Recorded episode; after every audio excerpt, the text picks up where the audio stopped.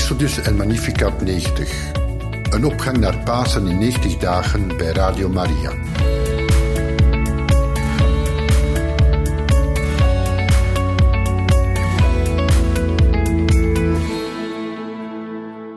Beste luisteraars van Radio Maria, van harte welkom in het programma Exodus 90.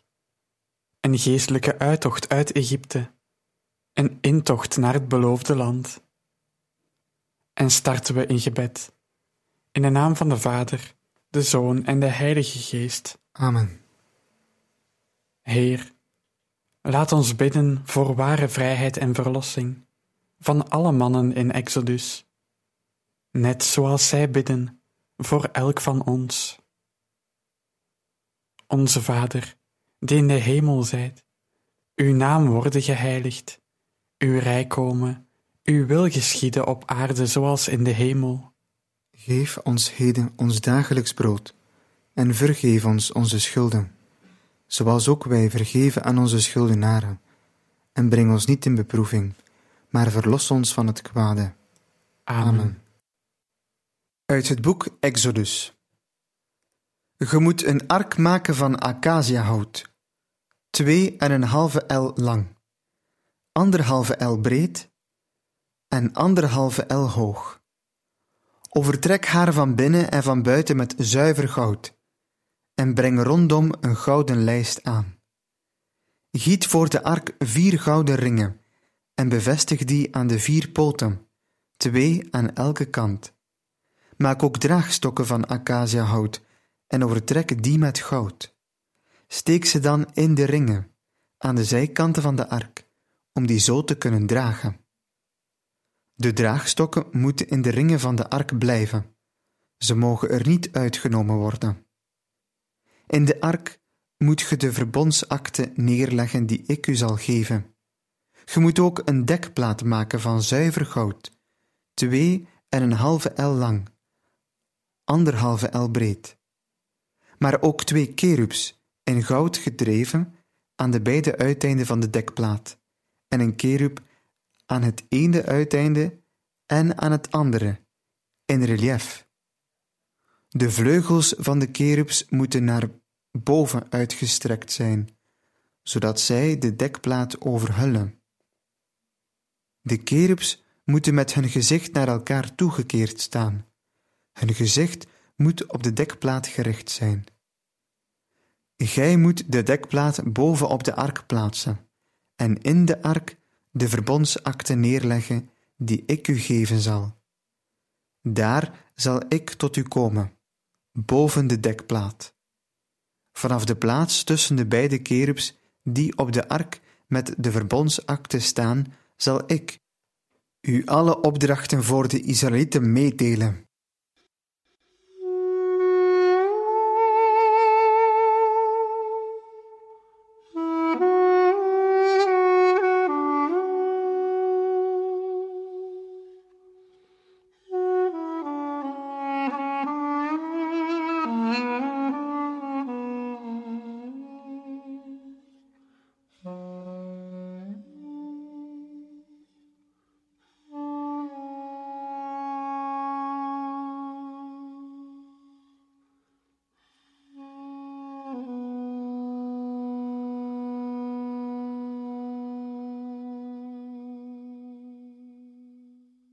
Dag 58. We zijn in de ruige bergwoestijn, aan de voet van de Sinaiberg. De ark des verbonds was het meest heilige religieuze artikel dat het Israëlitische volk bezat. Zoals we al hebben gezien, zijn verschillende mensen, plaatsen en dingen in het Oude Testament prefiguraties van mensen, plaatsen en dingen in het Nieuwe Testament. De ark is geen uitzondering. De vraag die we ons hier moeten stellen is echter niet: wat is de ark des verbonds? De vraag die we ons moeten stellen is veel eer: wie is de ark des verbonds? De ark des verbonds is een voorafbeelding van de heilige maagd Maria. En hier zijn enkele van de correlaties die de typologie onthullen. De ark was gemaakt van het fijnste acaciahout, een massief hout met gesloten nerf dat niet door insecten kan worden aangetast. De maagdelijke moeder werd onbedorven gehouden van alle zonde, zelfs de erfzonde. De ark was verguld met goud, een symbool van goddelijkheid. De maagdelijke moeder werd door de Vader gekozen om de moeder van God te zijn. De ark droeg de staf van Aaron, een symbool van het priesterschap, een monster van het manna, een type van de Eucharistie, en de tafelen van het verbond, het woord van God. De maagdelijke moeder droeg Jezus Christus, de grote hoge priester, de Eucharistie en het vlees geworden woord. De ark des verbonds bracht de Israëlieten consequent in de tegenwoordigheid van God. De maagdelijke moeder brengt ons consequent rechtstreeks naar haar Zoon, onze Heer. Maar er is meer. Toen het Israëlitische leger met de ark des verbonds de strijd inmarcheerde, wonnen ze hun veldslagen. Als christenen zullen ook wij gezegend worden als we de nieuwe ark des verbonds, de heilige maagd Maria, de strijd involgen. Het is geen verrassing dat Exodusmannen consequent hebben geconstateerd dat de mannen in hun broederschap, die elke dag de rozenkrans bidden, een veel grotere kans hebben om vrijheid te bereiken dan degenen die dat niet doen. De Israëlieten vereerden de ark des verbonds enorm als een middel voor God. Op dezelfde manier moet je een grote eerbied ontwikkelen voor de Heilige Maagd, de nieuwe ark van het verbond. Als je in staat bent om Maria's plaats in Gods plan voor jou te realiseren, zul je een moeder krijgen die je consequent en snel naar haar Zoon Jezus Christus zal leiden, op elk moment dat je om haar hulp vraagt. Roep vandaag naar Maria tijdens uw heilige uur. Vraag haar, zoals je aan je broederschap vraagt, om voor jou te bemiddelen bij haar Zoon, Jezus Christus. Luister terwijl ze op je oproep reageert.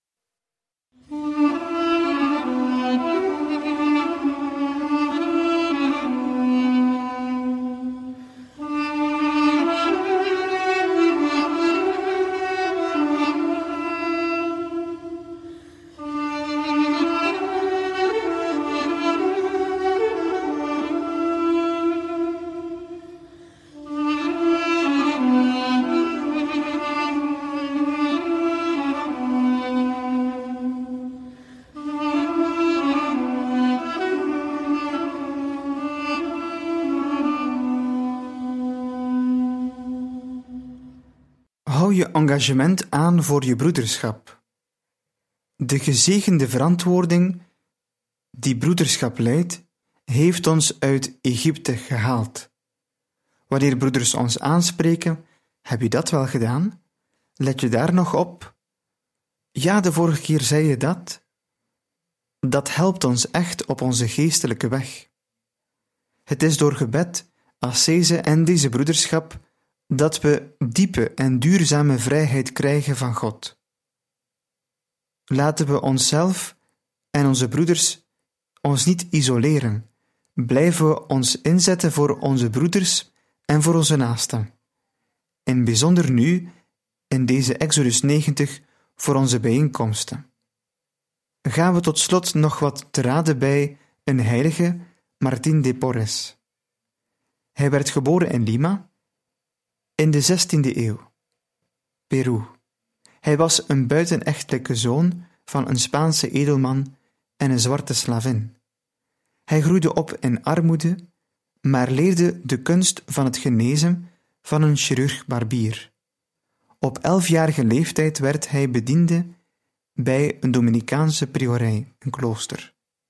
Hij kreeg er de leiding over de bedelaars die rondzwierven en haalde bij de rijke mensen van Lima zoveel geld op voor de noden van de armen, dat hij niet alleen de leiding kreeg over de ziekenboeg, maar uiteindelijk ook werd opgenomen in de Dominicanenorde. Martin richtte al snel een weeshuis en een kinderziekenhuis op en richtte zelf een dierenasiel op voor zwerfkatten en honden. Wat de heilige Martin de Porres ons kan leren, is om, om misschien in het bijzonder wat meer aandacht te besteden aan de persoon die we in onze groep het minst achten. En beste luisteraars, bidden we tot slot nog het gebed tot de heilige aartsengel Michael. In de naam van de Vader, de Zoon en de Heilige Geest. Amen.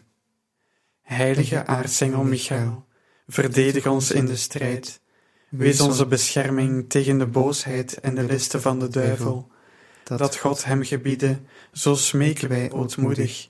En gij, vorst van de hemelse legerscharen, drijf Satan en de andere boze geesten, die tot verderf van de zielen over de wereld rond waren, door uw goddelijke kracht in de hel terug.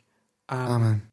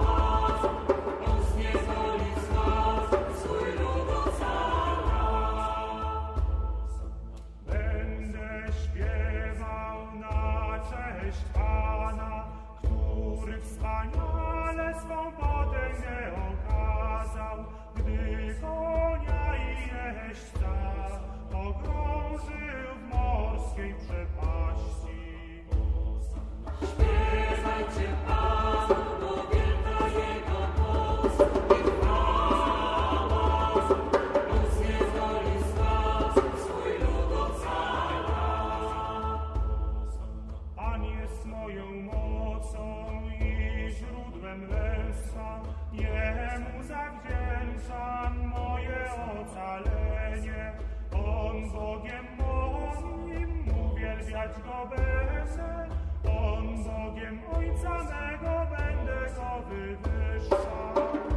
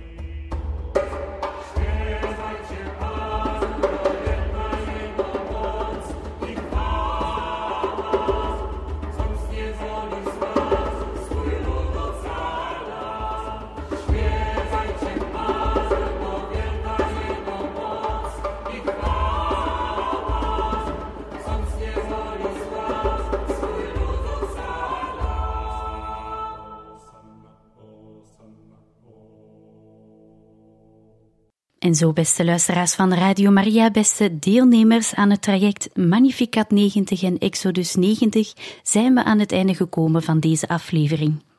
Als u deze aflevering wenst te herbeluisteren of de vorige of meer informatie wenst, neem zeker een kijkje op onze website radiomaria.be. En om deze uitzending af te sluiten, willen we graag nog even bidden.